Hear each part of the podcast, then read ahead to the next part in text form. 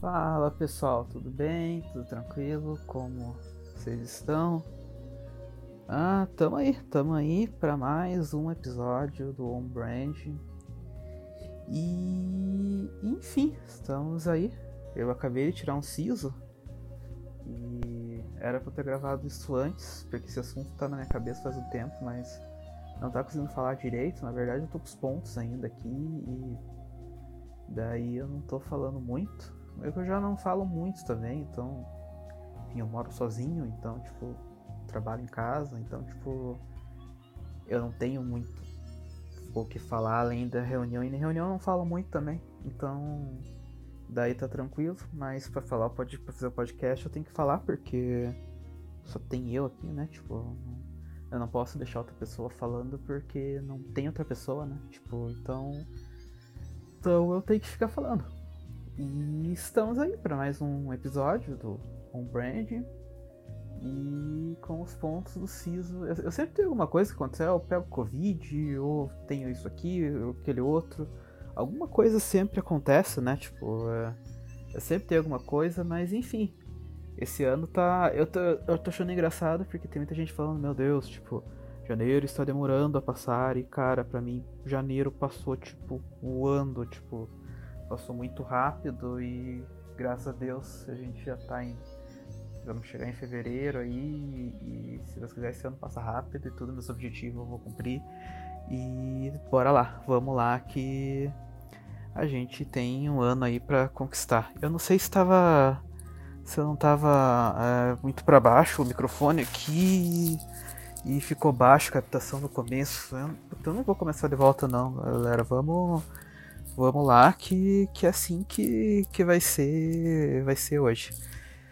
Eu queria falar um pouquinho hoje sobre inteligência artificial. Ah, enfim, eu não vou me aprofundar nisso porque eu não entendo nada de tecnologia.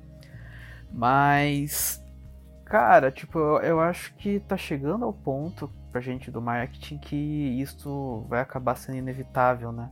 Já está virando inevitável. E a gente tem duas saídas. Ou a gente é, usa isso a nosso favor, ou a gente briga e perde, sabe? E a gente que é da, da publicidade, a gente tem uma ideia assim de que. Muita gente tem essa ideia de que a gente é artista, né? Tipo, ah, a gente entende o público, todo esse trabalho intangível que a gente faz é um trabalho, esse trabalho artístico de criação e de pensar conceito, uma máquina nunca vai conseguir.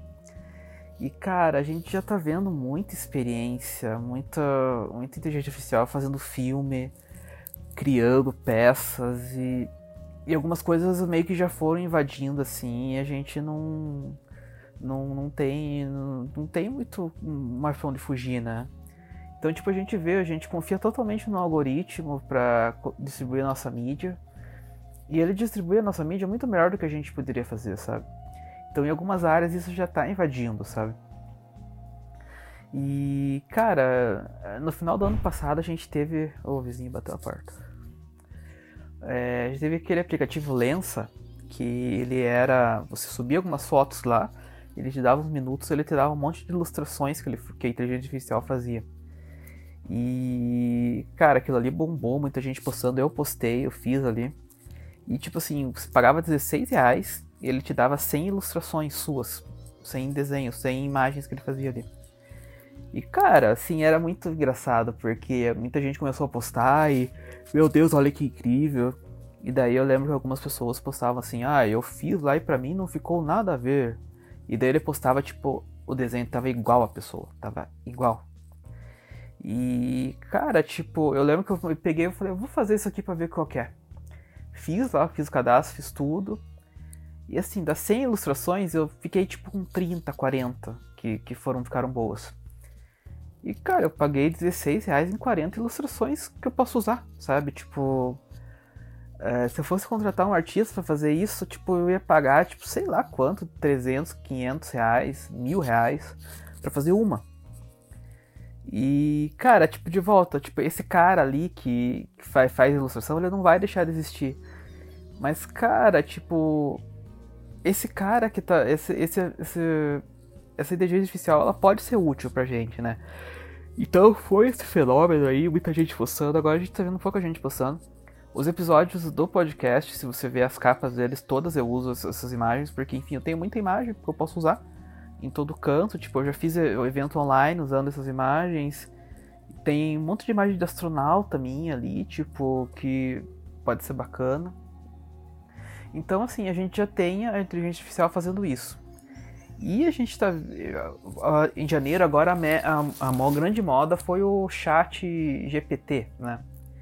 Que eu fui pesquisar depois, é uma iniciativa de várias pessoas ali, entre elas o Elon Musk.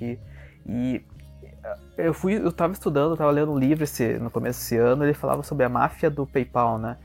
Que vários executivos do PayPal, depois que venderam ali, eles foram abrindo outras empresas, então, tipo, LinkedIn, YouTube, a Tesla, é, enfim, muita empresa que eles foram investindo ali saiu de dentro daquilo ali. Então, tipo, é um grupo muito forte de pessoas e algumas delas se juntaram e estão revolucionando a mídia de volta, sabe? Assim, eu, eu brinco muito, tiro muito sarro do, do Elon Musk porque ele tem muito fã, né? Mas eu gosto, assim, não tem como dizer que ele é um cara, que ele não é genial no que ele faz, né? Ele é babaca, mas ele é genial no que ele faz. E. Cara, eu, eu vi muita gente falando, muita gente testando um monte de coisas. E eu falei, eu vou testar isso aí também. Eu vou ver até que ponto dá pra usar isso aqui no meu dia a dia. Você vai lá, você faz todo o cadastro, joga é, chat GPT no, no, Google lá que aparece o link. E você vai ali, você, vai, você abre o chat, você abre as conversas, tipo. E assim, não tem segredo nenhum, na verdade. É um chat e você conversa com o, o bot. E você pode pedir coisas. Então, tipo, eu comecei. Bot, me dá um texto falando sobre networking para agências de publicidade. Ele fala, ok, vou fazer. E ele começa a escrever. E você vê que é um texto que um robô fez, né? Tipo, e com pouquíssimas informações. E daí você vai falando, bot, eu achei muito seco esse texto, eu quero ele um pouco mais solto.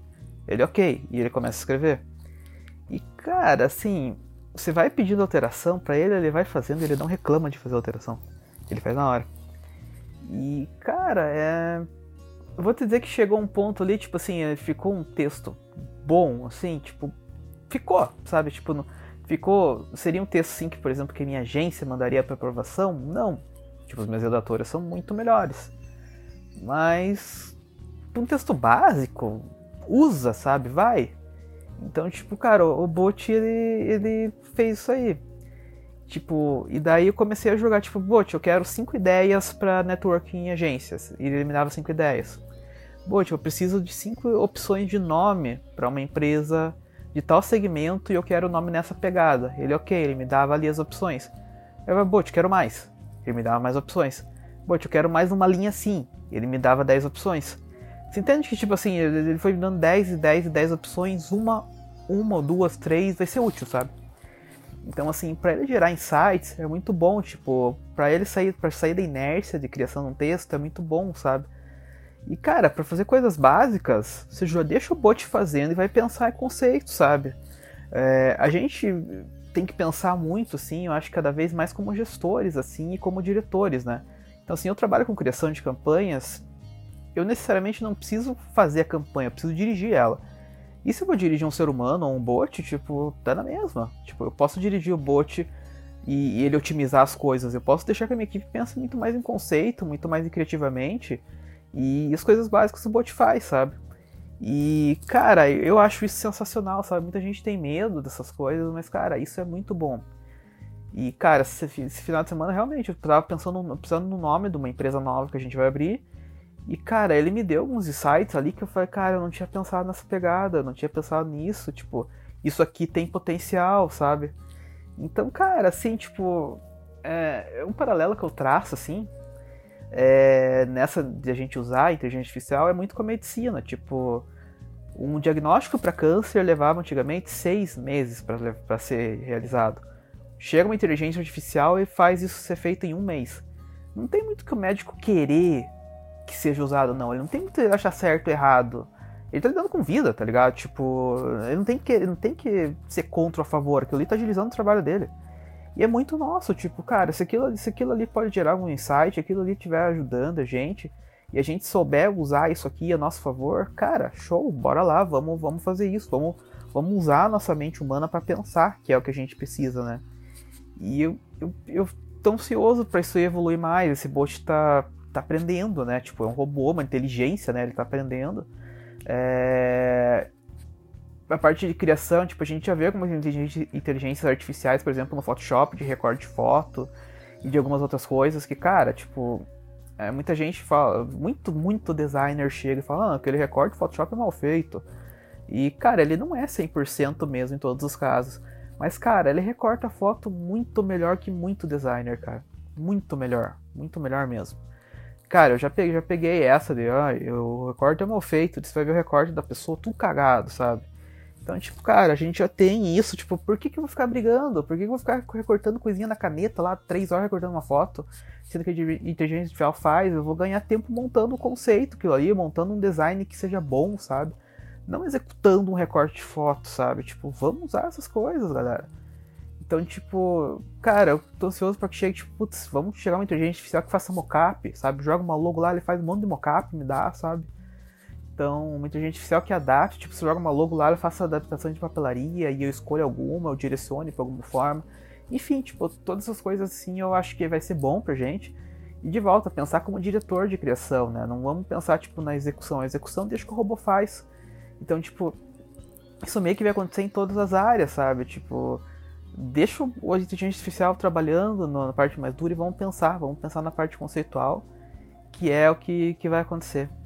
É, eu acho que cada vez mais a gente tem que formar esses profissionais adaptados a usar esse tipo de ferramenta, adaptados à inteligência artificial, porque isso, isso vai fomentar muito, vai ajudar muito o nosso trabalho e, cara, tipo, pensa enquanto a gente vai conseguir fortalecer o trabalho de branding das empresas, fortalecer o conceito, fortalecer um monte de coisas, se a gente não tiver esse grosso do trabalho que toma muito tempo, que é, que é o dia a dia, né? Tipo, é esse trabalho braçal que a gente tem, né?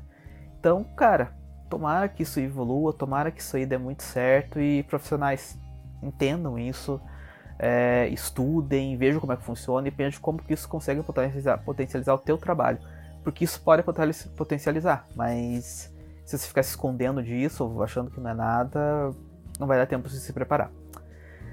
Então é isso aí. Queria falar bastante sobre esse assunto. Eu estou estudando muito esse assunto, estou estudando um monte, um monte de coisa. Eu estou escrevendo um livro, para quem não sabe, estou escrevendo um livro. Tipo, daqui a pouco eu gravo um episódio falando disso. Mas eu estou escrevendo um livro e eu não quero falar muito assim para não gerar expectativa ou se demorar mais do que eu estou pensando. É daí é foda. Mas aqui no podcast posso falar, porque é mais. Quem, quem escuta o podcast é o público que gosta de mim mesmo, então eu sei que não vai vir energias negativas. Mas bora lá. Então é isso aí, pessoal. Valeu, muito obrigado por todo mundo que escutou aí. Usem o chat GPT, pesquisem lá, vejam como é que vocês podem aproveitar isso melhor e bora lá. Beleza, pessoal? Valeu, até mais.